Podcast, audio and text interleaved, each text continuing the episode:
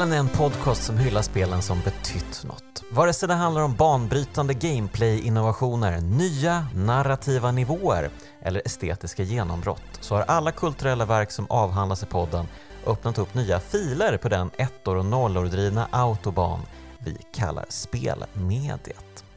Jag heter Jonas Högberg och idag välkomnar jag tillbaka Jakob Svärd till podden. Hej Jakob! Hej Jonas, vad trevligt att vara tillbaka i din eh, podd.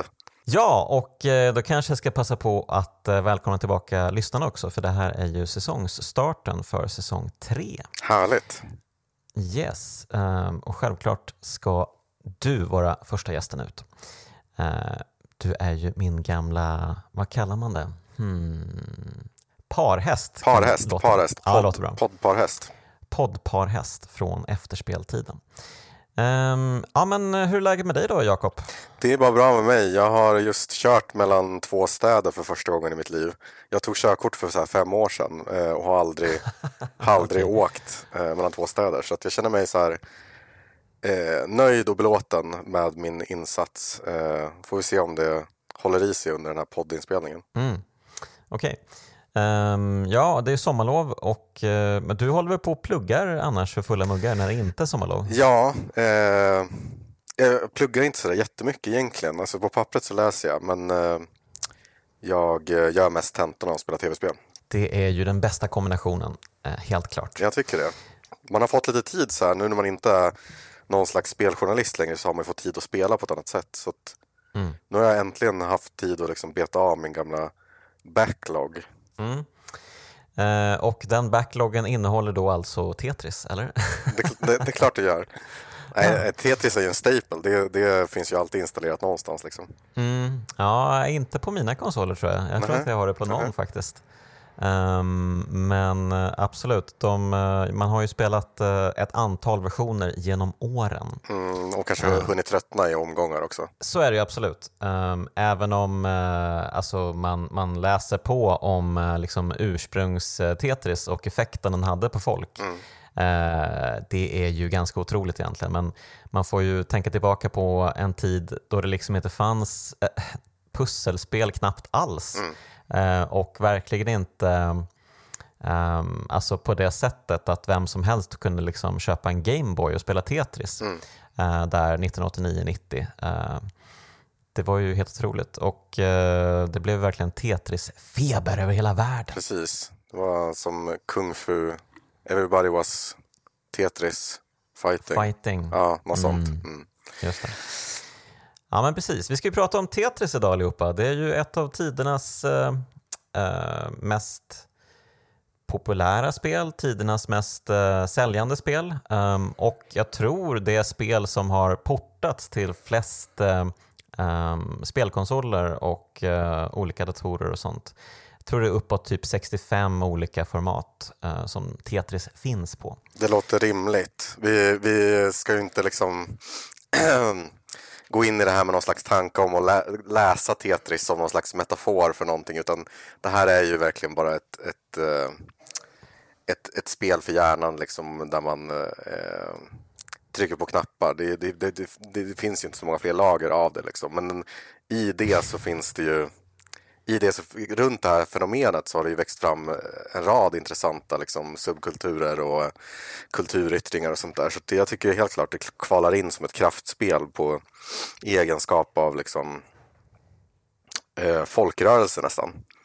Mm. Ja men verkligen. Um, det, det liksom har ju på många sätt liksom format eh, begreppet tv-spel för många. Ehm, kanske framförallt för många icke-gamers. Ehm, det är liksom det här som är liksom tv-spelens ansikte. De här tetro, tetrominerna, ka- kallar man dem så kanske? Tetrominos, ja, ja men det stämmer. Tet- Tetrominos. Precis. Ehm, ja, men, eh, och framförallt så finns det ju en fantastiskt eh, spännande historia kring rättigheterna. eh, Verkligen. Den, den var så här, jag, jag såg den här dokumentären, jag gissar att du också sett den, From Russia with Love. Jag har inte sett dokumentären, jag har läst boken istället. Ah, Okej, okay, Ehm, okej, du, du kör en level högre. Liksom. Ja, men berätta, vad är det som är så spännande med den här historien? Ja, jag har ju läst då boken The Tetris Effect av eh, Dan Ackerman eh, och den var eh, extremt detaljerad och väldigt välskriven och eh, väldigt spännande. Ehm, Och eh, tecknade ju eh, många fantastiska karaktärers eh, liv och leverne. Ehm, Så att det är ju så många olika liksom ehm, kockar i den här soppan får man väl säga. Ja, det börjar ju med, eh, om vi ska identifiera någon slags huvudkock så kanske det är Alexei. Då. Ja, försök uttala hans efternamn. jag. Uttalade Derrida fel i för- förra podden, så nu ska jag ge mig på Paj, Pajitnov.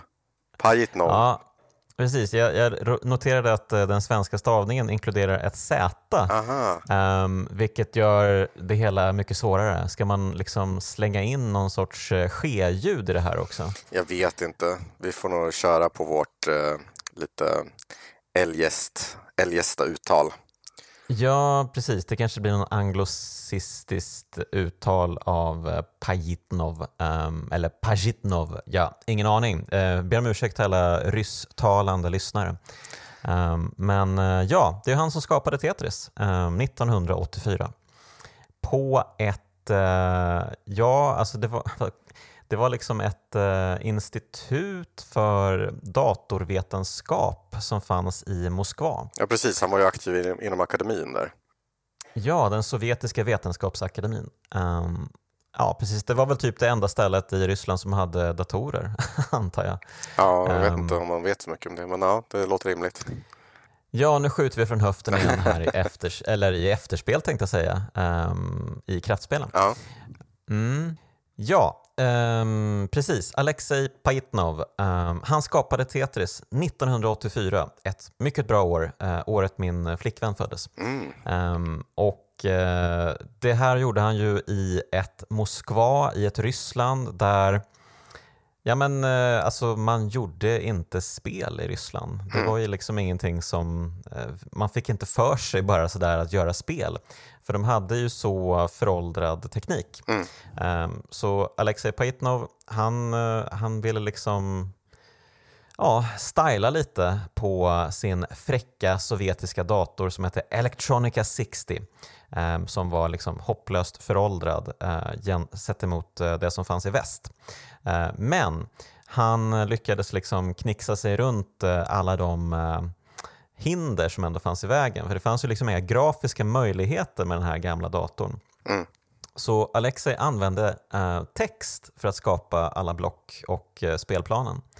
Ehm, och det är ju en fantastisk eh, tanke. Det, det finns ju några så här representationer man kan titta på eh, på, på nätet, eh, bild, bilder och sånt, av hur det ska ha sett ut. Och det ser ju faktiskt ganska charmigt ut, ganska fint, liksom uppbyggt med de här olika symbolerna ehm, Det, som har s- skapat det ser ut blocken. lite som såna här, vad, vad kallar man det? As, asi-konst, alltså sån här eh, teckenkonst liksom, där man, där Mm. man skapar eh, visuella representationer med hjälp av eh, kommateringar och eh, eh, brackets, vad heter det på svenska? Ja, precis. Ja, men eh, exakt, exakt. Ehm, det, faktum är att det, det ser väldigt coolt ut, men, men eh, den, den hade ju liksom vissa begränsningar då.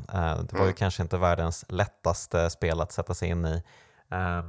Men då dök det upp då på den här vetenskapsakademin eh, en student som var ja, men, typ 16 eller någonting som bara liksom hängde där. Ehm, bara för att eh, det fanns datorer där och eh, han ville liksom koda. Ehm, den här studenten då, Vadim Gerasimov, ehm, han blev ju uppsnappad av Pajitnov och helt enkelt fick överföra Tetris-koden till IBM-datorer med riktig grafik ehm, och framförallt färger. Eh, det var Gerasimov som fick eh, infallet att eh, ge alla de olika blocken eh, sina egna färger så att man kunde färgkoda och lättare liksom se när blocken faller till marken. Um, ah, ja, ja, okej. Den ska dit och blir ett sånt block ser man direkt. Liksom. Man registrerar mycket snabbare. Och, Um, ja, men ett genidrag får man ju säga. Ja, det är väldigt väldesignat ur någon slags... Jag har läst, eh, det lilla jag har pluggat nu under våren så har jag läst... Eh, under våren? så, så, har jag, så har jag läst eh, kognitionspsykologi och där tar de ju bland annat upp Tetris då, som ett så utmärkt designexempel just för att det är så... Eh, mm. Man jobbar just med de här eh, tre färgkanalerna i ögat och sånt där som gör att mm. eh, man registrerar liksom vilka, vilka former som kommer väldigt snabbt och sådär. Snabbare än vad eh, som egentligen ska vara möjligt tror jag. Mm. Ja, men eh, och det här Tetris sprider ju sig då på eh, Vetenskapsakademin. Eh, alla spelar spelet, alla blir hooked på Tetris ehm, och sen sprider det sig till andra akademier och organisationer i Moskva. Ehm, det blir lite av en sån här löpeld, klassisk effekt. Mm. Och till slut då så sprids det utanför Sovjetunionen, först till Ungern av alla platser. Mm. Um, och eh, därifrån så sprids det vidare ut i världen tack vare en sån här riktigt klassisk wheeler and dealer-snubbe som heter Robert Stein. Um, och det är ju här då som historien om Tetris börjar bli riktigt intressant. Verkligen, för att eh, när, när Alexej sitter på Vetenskapsakademin där i Moskva så eh, finns ju någonting eh, med de här rättigheterna som eh, de, de tillhör ju liksom Ja, det finns ju inga explicita rättigheter vid det här tillfället men det är ju rimligt att tänka sig att liksom Sovjetunionen, alltså regeringen, det ryska styret har rättigheterna till den här koden. Då. Eh, Ja, Men... för man, man kan ju inte, eller man får väl inte typ äga saker i Sovjetunionen mm. eller man får väl inte liksom tjäna pengar på saker heller. Mm. Um, det är ju, eh, det är ju fullblodskommunism som gäller fortfarande. Yes. Även om det börjar bli lite perestrojka-tankar och sånt. Um, och det är ju lite det också som gör att uh, de öppnar upp för att sälja rättigheterna också. Um, Sovjetunionen då alltså. Eh, Alexej Paitnov, eh, han skuffas ju undan i en liten skrubb typ och bara det, tack för det du gjort men eh, nu tar vi över här, mm. typ så. Och, eh, men sen då så blir det ju, alltså ja, det är så många turer, vändningar och ja, turer här. Det är väldigt svårt att hålla koll på allting men man kan i alla fall konstatera att så här i början så är det Robert Stein då eh, som han säljer väl vidare rättigheterna till Robert Maxwell som är någon sorts eh, tidningsmogul mm. i England. Alltså typ som Robert Murdoch som kanske är lite mer känd för gemene man. Um, en, en klassisk uh, sån här liksom, uh, riktigt uh, succession-typ. Liksom. Mm. Um, en riktig um, eh, hårdhänt kille som ju har kontakter även med eh, Mikhail Gorbatjov så att han har liksom kontakter högt upp i eh, eh politiska kretsar. Um, så att det här det blir liksom värsta så här politiska spelet om Tetris. Det känns lite som en Tom Clancy-roman eller någonting. Ja men precis, det, och det, det, det är väldigt eh, snyggt och effektivt berättat i den här dokumentären då, som finns på Youtube, eh, from, mm. from Russia with Love. Mm. Tetris blir ju liksom en, en ännu en spelbricka i, i kalla kriget i all, allra högsta grad. Liksom. Ja, nej men precis. Och, eh, och eh, då ska man då också ha koll på en, en tredje um, spelare i den här historien. Mm. Eller tredje. Eh, jag tänker med Robert Stein, Robert Maxwell och Hank Rogers. För det är ju de här tre som typ representerar tre olika sidor som liksom försöker lägga vantarna på allt som har med Tetris att göra helt enkelt. Mm. Um, och Hank Rogers är ju en, en otroligt fascinerande figur. Um, det kommer ju en spelfilm om Tetris i år tror jag. Jaha, okay. um, ehm, med uh, han, heter han Taron Egerton som spelade Elton John uh, nyligen. Mm -hmm. Uh, han spelar Hank Rogers i den här spelfilmen. Um, och uh, det, är, det känns ju som helt rätt val för att han, han framstår ju lite som en väldigt savvy, um, ganska snygg och uh, väldigt så här, han har, han vet hur man för sig i alla rum. Mm. För den här killen är ju då en holländare som tidigt flyttar till USA med sin familj, um, växer upp där, hänger i Hawaii, har det gött, blir kär i en japanska, um, flyttar till Japan, tvingas ta sig an uh, den japanska kulturen som ju är uh, ganska svår att komma in i om man är en gaijin. Mm. Och uh, framförallt på 70-talet då han flyttade dit måste det varit brutalt svårt. Ja, det, det, här finns återberättat i den här From Russia With Love också, då han berättar om hur han liksom för, förhör sig om hur den japanska businessvärlden fungerar. Och liksom, mm. han, han mutar ju i princip. Han köper med sig gåvor och liksom mutar sig till de här rättigheterna. Mm. Eh, precis, så att, eh, men, men han, eh, han gör ju massa andra saker i början där men sen till slut så inser han att eh, om man ska ta sig någon vart så måste han bli spelutvecklare. Mm. För att han har ju liksom snappat upp att det är spel som är grejen numera. Um, så att jag tror att det är samma år som Alexej Pajitnov uh, designar Tetris, 1984, som um, Hank Rogers ger ut uh, sitt stora spel, The Black Onyx, um, som är liksom Final Fantasy och Dragon Quest uh, flera år innan de spelen kommer. Mm. Um, så att han liksom introducerar typ rollspelskonceptet i Japan. Um, och uh, ja, men det här blir ju typ superkopierat och eh, eh, många liksom drar ifrån och eh, snart så är han totalt brädad. Även om han hade den här inledande succén med Black Onyx så eh, inser han snabbt att han inte kan hänga med när alla de här stora spelföretagen plockar upp eh, den här heta potatisen och fortsätter med den. Mm. Men, eh, men så han byter spår. Han börjar bli en, ja, men en wheeler and dealer typ istället då. Um, och börjar handla med rättigheter. Um, och eh, det finns en jättefin historia, eller fin vet jag inte, men det finns en historia i The Tetris Effect i alla fall när han träffar Hiroshi Yamauchi, Nintendo-chefen. Just det. Um, apropå moguler, det, är liksom, det här är ju slutbossen. Um, alla mogulers uh, slutboss. Liksom. Um, och uh, han lyckas ju då uh, skärma honom um, för att han vet om att Yamauchi älskar Go, det här kinesiska brädspelet. Just det. Så att han erbjuder sig att utveckla en, en version av Go till Nintendo 8-bitars, mm. eller Famicom. Då. Um, så att, eh, ja, men, och då lyckas han liksom få lite gehör med uh, Nintendo. Och uh, det ska ju visa sig viktigt sen när han får nys om Tetris på den här CES-mässan. Con- vad heter den? Consumer Electronic någonting? Consumer Electronic Expo, ja jag vet inte, någonting. Ja, skitsamma. Um, det är i alla fall en amerikansk mässa som har med teknik att göra. Men uh, de liksom börjar rulla in tv-spel en masse um, på 80-talet och uh, här då så får han se Tetris någon gång 86, kanske 87 någonting. Mm. Och uh, då har ju då Robert Stein och Robert Maxwell, de har ju börjat licensiera um, en datorvariant av Tetris. Då.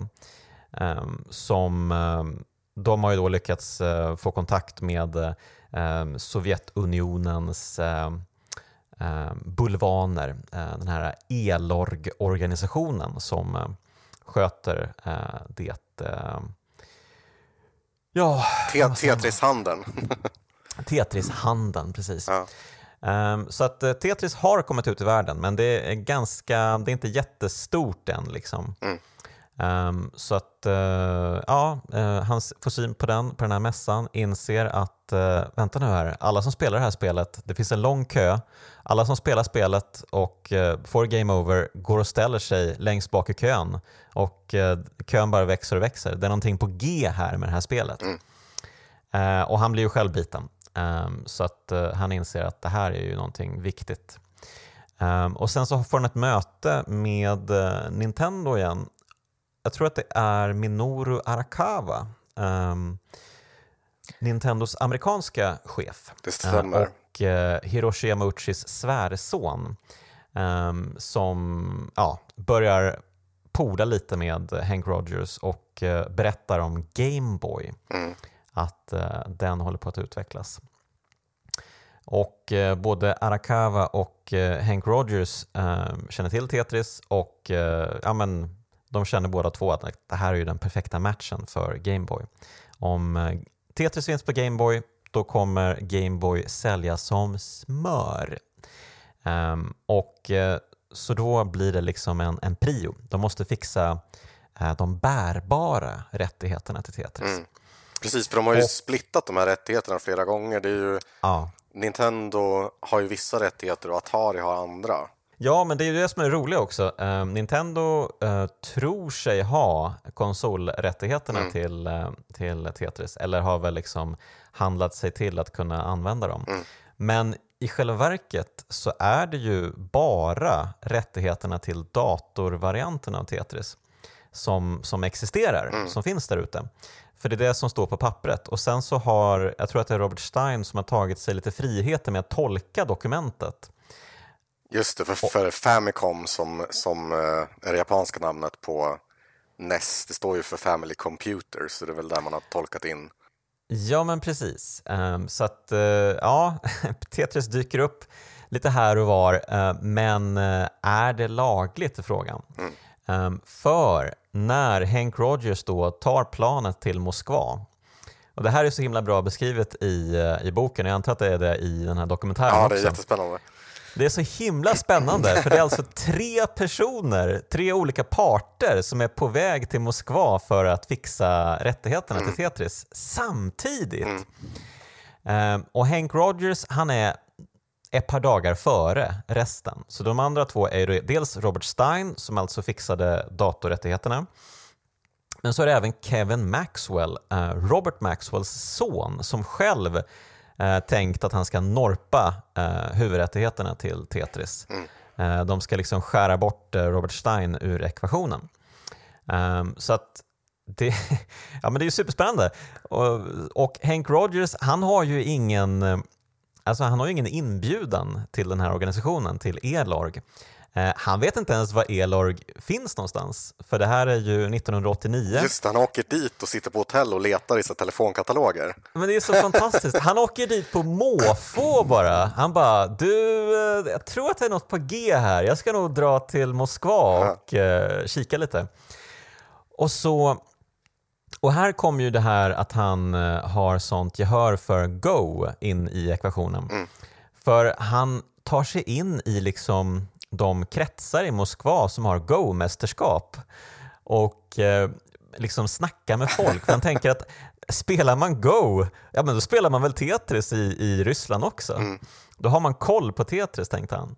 Och ja, Det visar sig vara en, en briljant slutledning, eh, så att han får ju nys om, ja eh, ah, okej, Eh, och så hittar han typ en fixare som vet eh, var eh, Elorg har sina liksom, ehm, kontor. Det är en orimligt sexig bakgrundshistoria för det här osexiga spelet. Ja, men det är helt sjukt. och eh, alltså, man blir ju lite kär i Hank Rogers för han verkar ju vara en sån otroligt karismatisk och eh, påhittig person hela tiden. Um, och eh, ja, men han bara liksom går upp och knackar på hos Elorg och jag antar att det liksom i, i den här tidsåldern så är det väl typ helt otänkbart att göra en sån grej i Sovjetunionen. Um, framförallt där liksom allt styrs väldigt så här mekaniskt. Eh, Du måste ha ett möte, du måste, det här och det här och det här ska hända ehm, och sådär.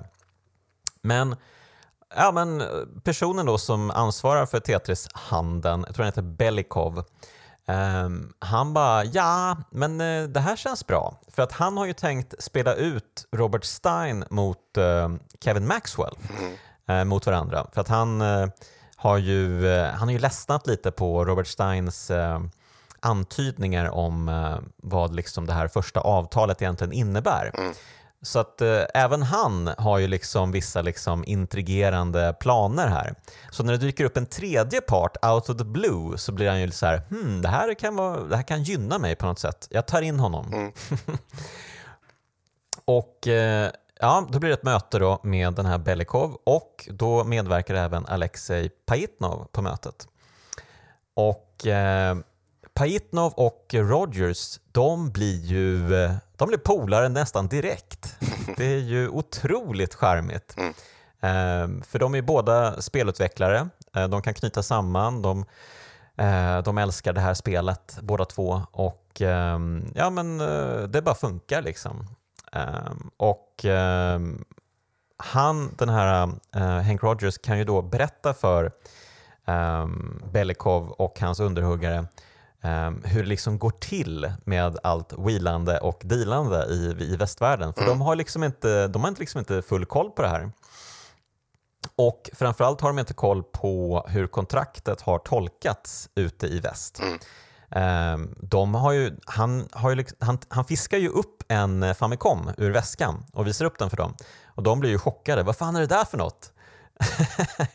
och bara, ja alltså det, Tetris spelas på den här. Vad menar du? Det får du inte göra.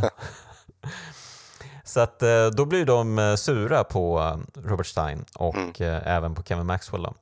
Ehm, så att han, Hank Rogers lyckas ju skärmas in här och helt enkelt sno rättigheterna till bärbara Tetris framför nosen på de andra typerna. Verkligen.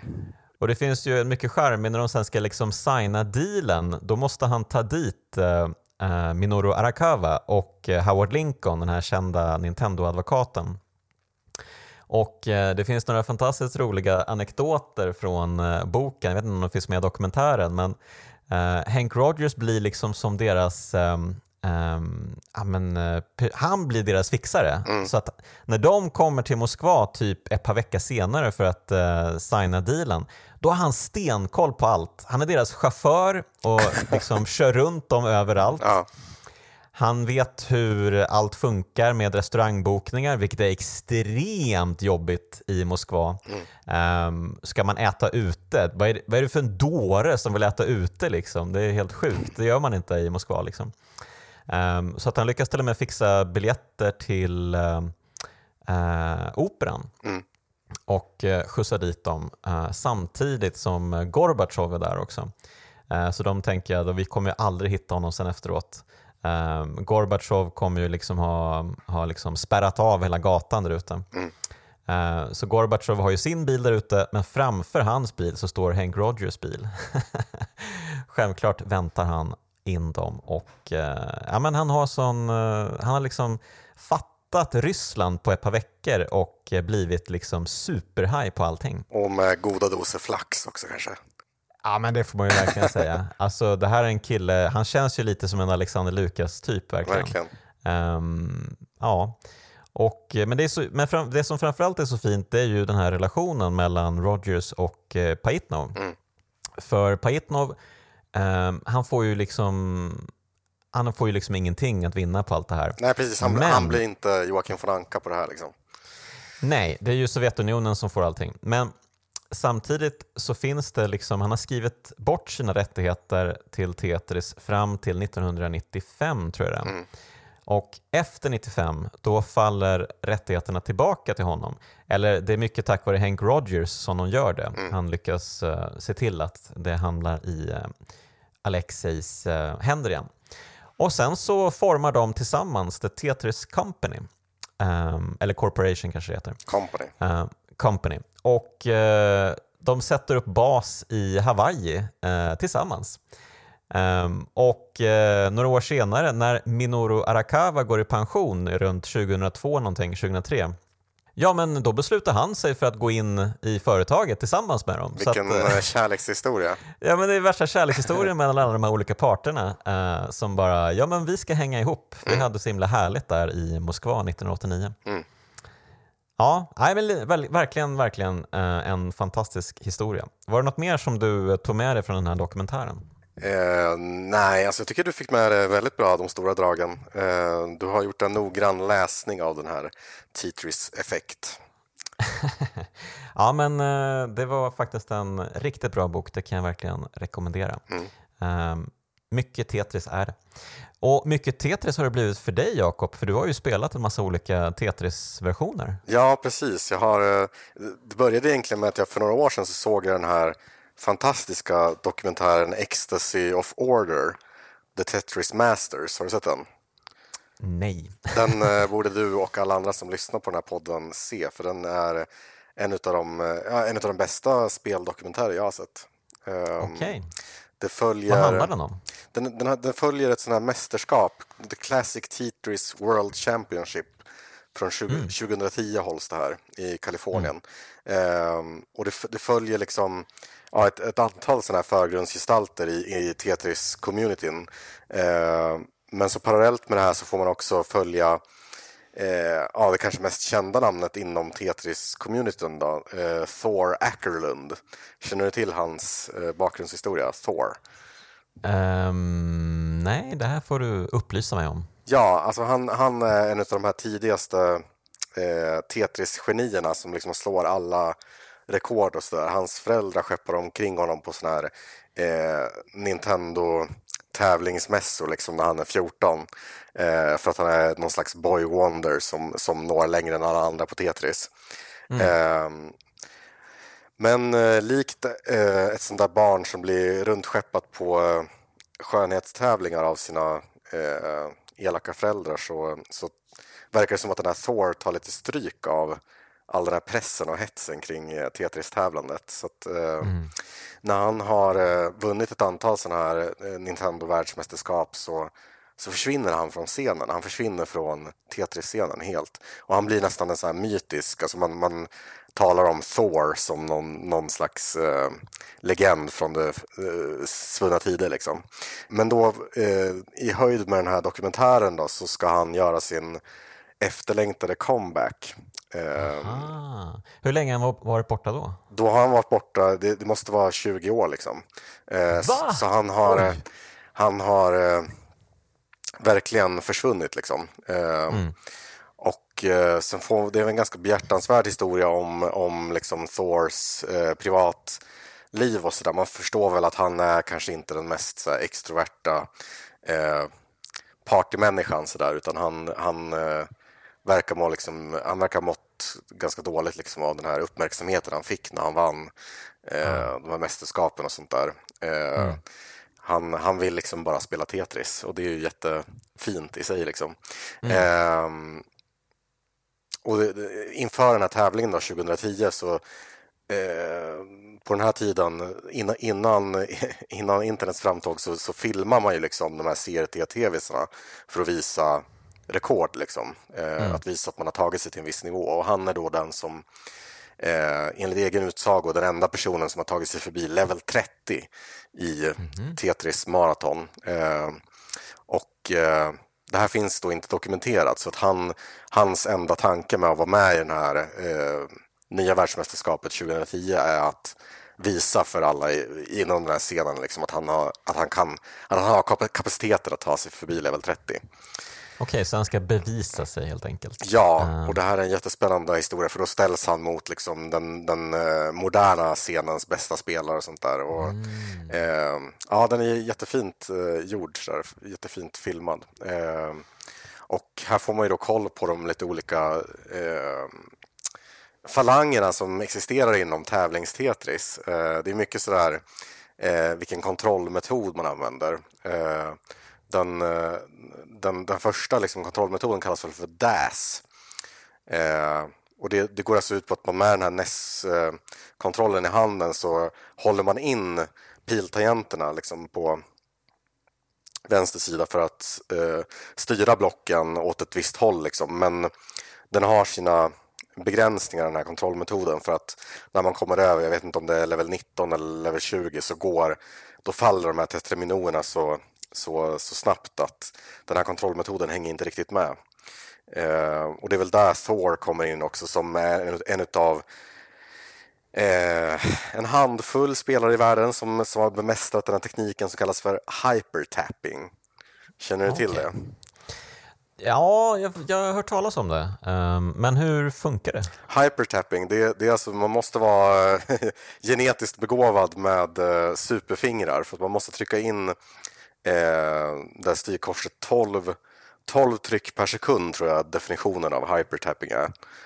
Eh, 12 tryck per sekund? Ja, eh, så det är, det är verkligen ingenting som gemene man eh, klarar att göra och det är därför de här gestalterna som Thor och sen ska vi se, det är en annan eh, herre i den här dokumentären, vad heter han nu igen? Eh, Jonas Neubauer tror jag han heter. Eh, det, det, är några få som klarar av det där med hypertapping. Eh, så det, ja, men det är jätte, jätteroligt att, att se de här freaksen liksom, göra sin grej. Mm. men nu på senare år så har, har det kommit eh, ännu en ny teknik som kallas för rolling.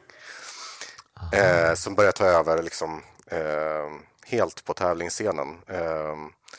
Eh, rolling eller fly hacking, för det kommer från en man som heter kallas för Hector Fly Rodriguez. Väldigt bra, väldigt bra namn. eh, där han började experimentera med att rulla fingrarna över knapparna på arkadstickor. Eh, och slog massa rekord i eh, track and field och sådana gamla spel liksom, med hjälp av arkadstickor. Mm. Men sen har han lyckats liksom, eh, anpassa den här tekniken för en mycket mindre, alltså en NES-dosa har ju eh, mycket mindre knappar så det var liksom inte helt självklart att det här skulle fungera eh, på NES. Då. Mm. Men eh, då har de lyckats, nu är de ett gäng nerds som har lyckats uh, rolla på uh, NES-kontrollen och då slår de alla, alla tidigare Tetris-rekord. Okej, okay. wow. Um, men, men, men va, får man fråga då, vad, vad hände med Thor? Fick, kunde han bevisa sig?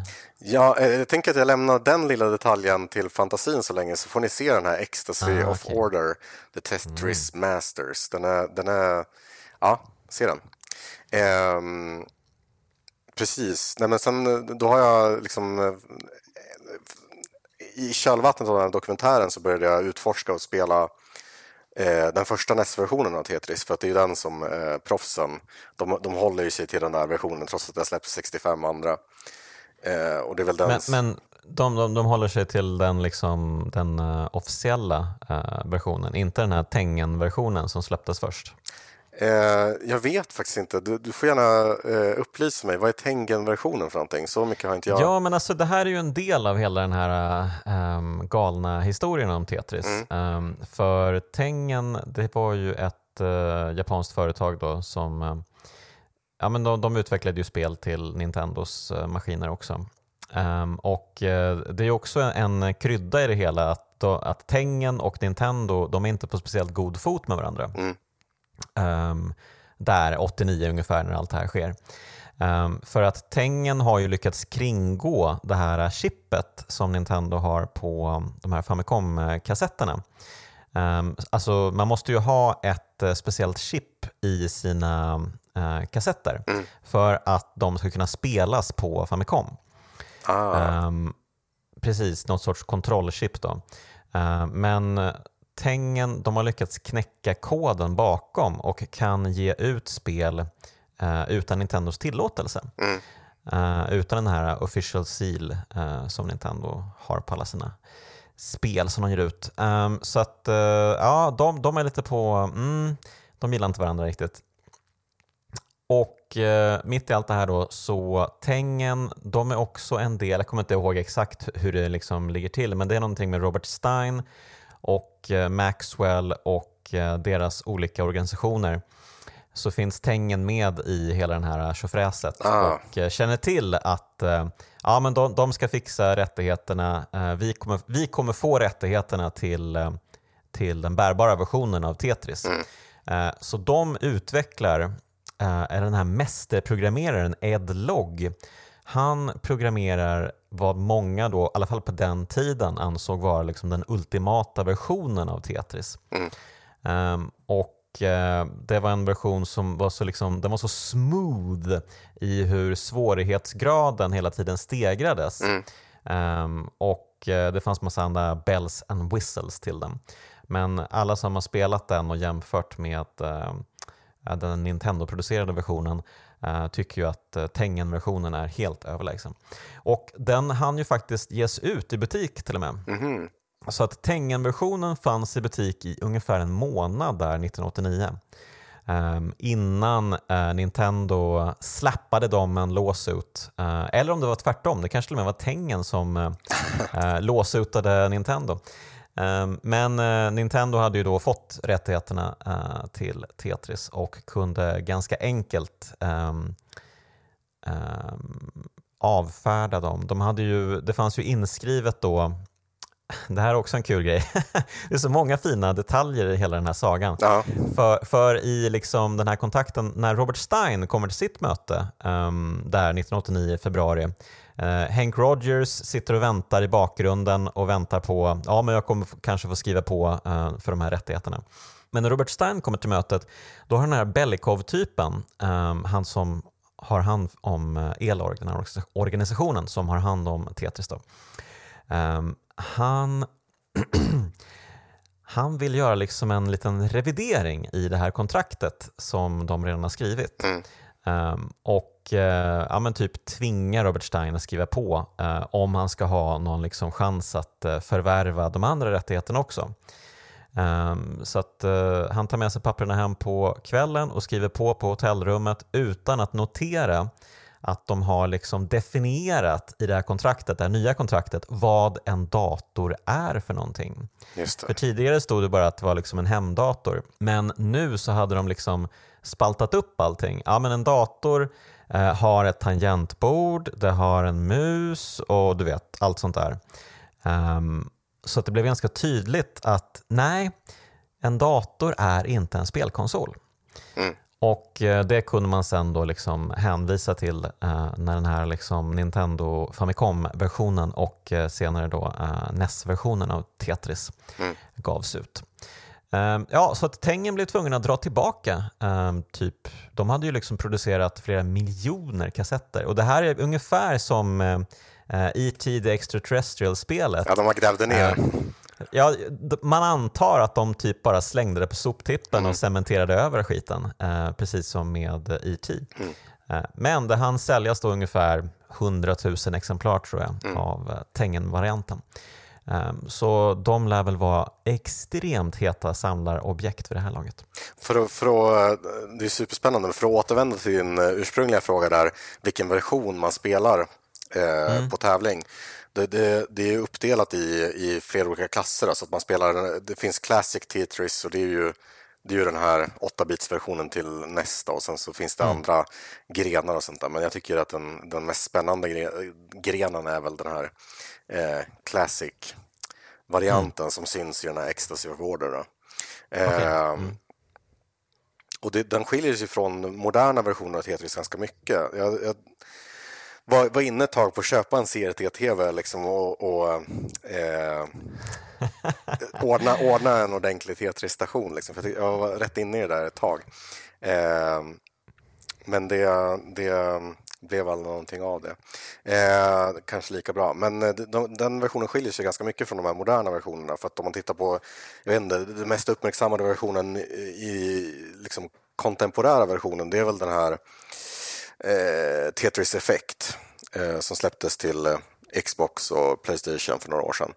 Ett par mm. år sedan. Eh, och det, där kan man ju liksom eh, de versionerna ses väl ned på lite grann av, av prosen för att eh, där kan man ju till exempel så har man ju det som kallas för infinite spin, alltså att när du har ett block som har eh, kommit i kontakt med ditt tetramino-fält liksom, så kan du, då kan du ju snurra det blocket ett, ett ett par varv innan det liksom fixeras. Eh, mm. Men i de här moderna versionerna så kan man snurra i all oändlighet och flytta i all oändlighet och sånt där. Så det, det minskar ju svårighetsgraden drastiskt. Ah, okej. Okay. Eh, så att ingen spelar moderna Tetris-spel egentligen om man är lite pro och lite purist sådär? Nej, jag tror inte Inte på tävlingsscenen sådär. Sen finns det väl nya communities kring framförallt det här eh, ganska fantastiska versionen som Nintendo släppte eh, gratis på Switch. Vad heter, mm, vad heter den? Eh, Tetris 99?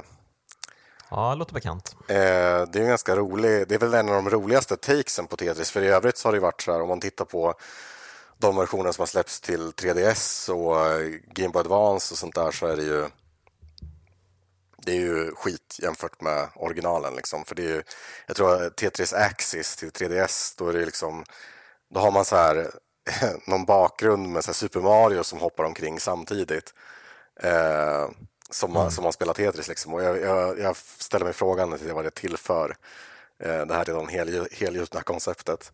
Eh, och det är, det är samma sak i det här Tetris Effect eh, där man försöker sig på någon slags, jag vet inte, det är någon liten så här flummig eh, zen-vibe.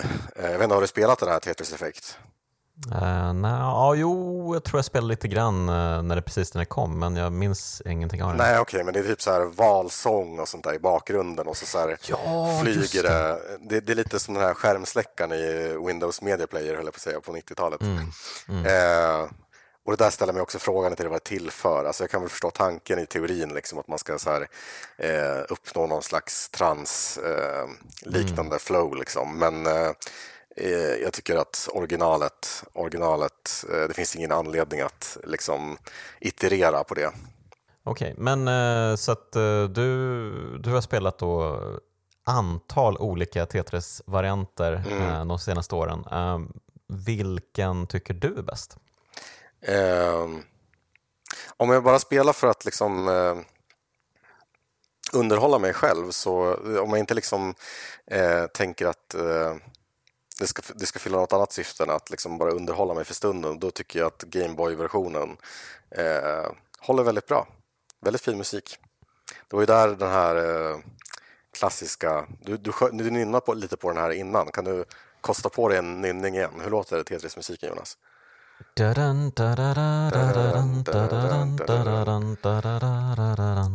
Precis. Så klassisk rysk folkmusik. Är det Kalinka? Jag är lite osäker. Men, eh, mm. Jag vet inte. Jag, jag hittade någon så här live-framförande av den där eh, originallåten som den är hämtat från. Det är någon folkmusik, precis. De står med så här eh, lite komiskt stora instrument och eh, jojkar. Det är jätteroligt. Eh, men den, den, eh, den musiken blev ju inlagd först i Gameboy-versionen så de här tidigare versionerna hade ju inte mm, den. Okej. Okay. Nej, men det, det är right. Gameboy-versionen som är den definitiva. Jaha, men du, du har en Gameboy som du spelar på alltså? Eh, nej, jag har en på Virtual Console på min 3DS.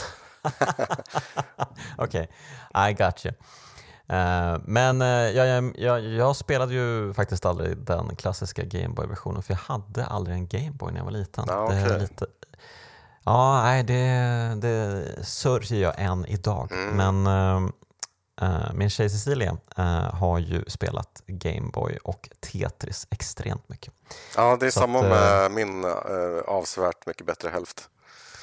Ja, precis. Eh, och det var liksom Tetris det första spelet som spelades av typ eh, en, eh, alltså lika många killar som tjejer typ? Säkert. Alltså det slog ju eh, brett och vitt. Mm. Ja, det verkar i alla fall så. Um, mm. Men eh, okej, okay, så att eh, man behöver inga bells and whistles med Tetris utan man, man ska helst eh, tillbaka till basic? Ja, det mm. finns liksom ingen, ingen poäng med de här. Eh, jag tror att det släpptes några versioner som eh, väl innehöll en annan typ av multiplayer också, typ Tetris Party och sådär på DS, men det var inte jättemycket att hänga i granen. Där tycker jag att den enda som har lyckats riktigt bra med Tetris multiplayer, det är ju det här Tetris 99 på Switch. Då. Eh, mm. det, det parar ju det här Battle Royale-konceptet från Fortnite och eh, PubG och de här, eh, ja men du känner till eh, Battle Royale-konceptet mm. mm. där man är 99 spelare eller 60 spelare som då kämpar tills det bara är en spelare kvar. Och det, det här är ju samma koncept men man har då en skärm fylld av liksom 99 olika Tetris-spelomgångar eh, som är igång samtidigt eh, mm. med sin egen i mitten. Liksom. Och sen så då när man får när man, gör, när, man, när man får Tetris i spelet så kan man skicka eh, skräpbitar till andra spelares eh, skärmar. Det är väldigt eh, underhållande. Okej. Okay. Uh, eh, ja, men uh, wow, det känns som att vi har täckt Tetris ganska bra nu. Uh, är det någonting mer du vill säga om Tetris? Hur ser din relation till Tetris ut, Jonas? Just det, vi har inte pratat om mig överhuvudtaget. Nej. Alltså jag, jag, har dö jag döpte min, min förstfödda katt efter Just Tetris. Um, så att jag skulle faktiskt vilja dedikera det här avsnittet till, till Tetris, um, som var en utmärkt katt på alla sätt. Uh, och jag har ju fortsatt den här pusselspelstraditionen. Min, min, min nya katt heter Meteos efter det pusselspelet. Ja, det tänkte vi, vi kanske kunde diskutera det också. De här, de här otalversionerna, eller vad ska man säga, spelen som är inspirerade av Tetris. Vad, ty vad, tycker vi om dem? Eh, det är väl Meteos så här, Vad tycker vi om dem? Luminis också. Alltså, man, man hör ju avsmaken du har för de här spelen. vad tycker vi om dem? Skit va? Nej, men Luminis um, är ju roligt. Uh, ja, jo men absolut. Ja, men alltså, de, många av de här spelen är ju roliga. Mm. Um, jag hade väldigt kul med Meteos också. Um, det, var ju ett, alltså det var ju Tetris upp och ner nästan kan man väl säga. Mm. Um, man skulle ju skjuta iväg um, alla de här blocken upp mot uh, himlen um, och iväg i rymden. De blev rymdraketer, mm. uh, tetrominorna. Så att, nej, men det var kul och uh, ja, men det, alltså, det väl inspirerat i princip typ alla pusselspel också. Mm. Även de här liksom, uh, man ska matcha tre av samma färg kommer väl också i viss mån från Tetris också. Alltså Candy Crush-spelen och dylikt. Mm. Um, så att Tetris har väl haft ett enormt inflytande på hela pusselspelsgenren får man säga. Mm. Um, och alltså det, det, är ju ganska wild när man tänker på det att en kille satt 1984, slängde upp några tecken på en skärm och uh, därifrån så har det liksom gått uh, hur lång tid som helst och hur långt som helst med uh, hela mediet men ändå så är det liksom typ samma basformat fortfarande. Verkligen. Har du, har du testat mo mobilversionen av Tetris? Nej, är det något att ha? Den, eh, den är mer intuitiv än man skulle kunna tro, den här touchkontrollen. Men den är såklart strösslad med såna här lootboxes och... Eh, Nej, jo. lägg av! Så den, eh, den slängde jag åt helvete när jag hade testat den tre minuter. Oj, oj, oj, okej. De börjar bli desperata där på Tetris Company. Mm. Man undrar hur mycket pengar de har dragit in genom åren. Mm. Det måste ju vara sjuka mängder.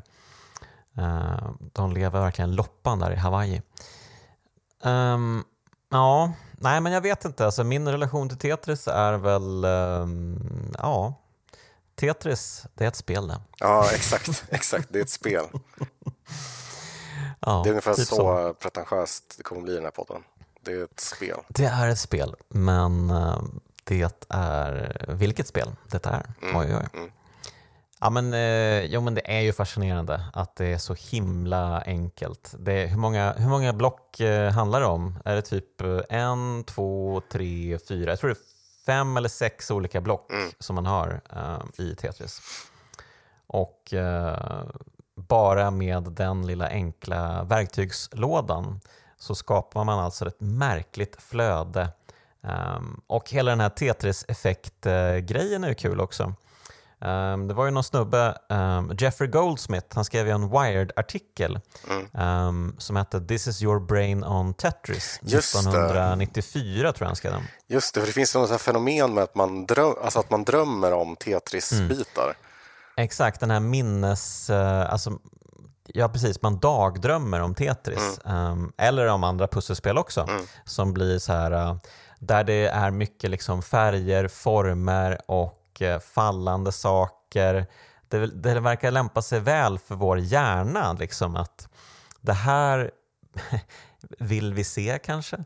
Eller det, det liksom, den blir liksom på något sätt um, um, märkligt uh, kodad så fort vi utsätts för de här mönstren tillräckligt lång tid mm. um, och vi liksom bara uh, nöter pusselspel eller kanske då framförallt Tetris så uh, kan man liksom inte komma ifrån det sen utan det dyker upp framför sina ögon hela tiden. De, hela hjärnan har blivit deep fried i Tetris. Liksom. Um, så att, eh, och, ja, men precis. och det är det som är Tetris-effekt, mm. Tetris-effekten. Um, så det var väldigt fascinerande. Och uh, Jeffrey Goldsmith uh, han var, blev ju själv då utsatt för Tetris-effekten. Uh, han köpte en Gameboy och Tetris när han var i Japan, passande nog. Men han fick typ inte utforska Japan eller den japanska landsbygden som han hade tänkt sig. Utan istället så blev han kvar i typ en kompis lägenhet eller något sånt um, i tre veckor tills han hade varvat Tetris. Mm. Jag visste inte ens att man kan varva Tetris. Jo, man, han... man, kan, man kan varva Tetris. Uh, min, eh, min sambo har, uh, har visat mig hur man gör ett par gånger. Jag klarar inte alls av det. Jag, jag, uh, jag, jag klarar av att spela Tetris upp till typ så level 11, 12. Men wow hon, eh, hon brukar liksom för jämnan eh, spela klart maratonläget på level 15 eller vad det är. Sådär. Jag, jag, jag är grovt imponerad. Okej. Okay. Mm. Ah, då finns det typ någon sorts uh, här fin skärm man får. Uh, grattis, du klarar spelet. Ja, precis. Men det där är väl inte liksom det klassiska Tetris-läget. Det klassiska Tetris-läget, det var ju som vi nämnde där, där kan man ju fortsätta i teorin. Uh, jag vet inte om det finns något teoretiskt tak, men Thor var ju uppe över level 30 där, så det går ju liksom att mm. fortsätta i all oändlighet. Precis, men det går ju så fruktansvärt snabbt då, senare senare nivåer att eh, vi antagligen inte är menade att eh, Nej, precis. Alltså, tävlingsfältet idag tävlingsfältet idag domineras ju av typ 13-åringar som, som hypertappar. ja, de rollar inte. Eh, jag tror att rolling är på, på G liksom att ta över, men, men hypertapping har fortfarande i classic, ah, okay. eh, classic-grenen så är det fortfarande hypertapping som dominerar. Okej, okej. Är du bra på Tetris? Eh, det skulle jag nog inte påstå. eh, nej, men alltså jag, jag gillar ju när det går långsamt. Va? Eh, så fort det börjar ja. gå snabbt där så blir det direkt bara åh nej, det blir fel hela tiden. Nej, vad gör ja. jag? Va? Hallå, vänta lite, de här passar ju inte alls ihop. Ah, paniken. Precis. vad, vad, heter, vad heter det när man får eh, man, när man får Tetris, tror jag, jag tror man säger så, när man liksom får fyra, man rensar fyra rader samtidigt. Ja, precis, då gör man en Tetris, exakt. Uh, Okej. Okay. Varför heter det Tetris? Ja, märkligt. Uh, ja, nu fattar jag! Tetris betyder ju, vänta lite, jag har det här, nu ska vi se. Uh, jag tror jag skrev ner det till och med. Um, jo, precis. Ordet Tetris kommer ju från det grekiska prefixet tetra som betyder fyra. Ah. Alla block är uppbyggda av fyra kuber, eller av fyra... Um... Just det. Exakt, så när det blir då fyra, uh, då blir det en Tetris. Ja men det stämmer ju. It all makes sense, Jakob. Bra Jonas, att du är med på noterna. Um, yes. Ja, och sen finns det ju massa sådana här små eh, konstiga meta eh, metamekaniker sådär. Man kan åstadkomma en T-spin, vet du vad det är? Eh, nej. Det är när man liksom eh, om man har en, en, en, en glipa liksom i, i sitt Tetrisfält så kan man liksom när eh, Tetrisblocket precis har nått eh, te, alltså de här, det här fältet där nere liksom med, med kuber så kan man liksom T-spinna in en, ett Tetris-block på ett ställe där det liksom naturligt inte skulle gå att få in det. Så det finns, det finns massa sådana här små, små tricks och tips liksom i metalagret till det här spelet. Det är ganska intressant att sätta in i. Det är lite som, alltså när man tittar på så här tävlings-Tetris, det är som att titta på ja, men jag vet inte, eh, Street Fighter-matcher liksom. Alltså de är ju, mm. de är ju duktiga på att eh, sätta dit varandra liksom, med sådana här eh, sjuka tricks. Liksom. Mm. Wow, okej. Okay. Um, ehm, ja, det, där har vi det, antar jag. Tetris. Uh, Tetris. Vad blir det för roliga spel resten av säsongen då? Jaha, du vill att jag ska spoila här? Nej, um, du kan hinta lite. Ja, okej. Okay. Eh, alltså, som vanligt, eh, jag vill inte säga för mycket för ibland händer det ju att en, en gäst eh, som har bett om ett specifikt spel eh, får förhinder och inte kan medverka. Mm. Så då känns det trist att eh, säga det här spelet kommer definitivt med. Eh, men ehm, jag kan nog säga så mycket som så att det kommer bli ett klassiskt japanskt rollspel från 90-talet som dyker upp ganska snart. Härligt, härligt. Ser vi fram emot. Ehm, det kan ni se fram emot alla som lyssnar. Um, och kanske även en Jakob Svärd som varit med i Kraftspelen för tredje gången. Tack Jakob för att du var med. Tack Jonas för att jag fick vara med. Och ett stort tack till dig som lyssnar ska du ha. Um, och även ett stort tack till de finfina pojkarna i Bitpopbandet 047 som gör Kraftspelens signaturmelodi. Ja hörni, nya säsongen inledd. Nu kör vi på tuffa på i vanlig takt, ett avsnitt per vecka. Vi hörs igen nästa vecka.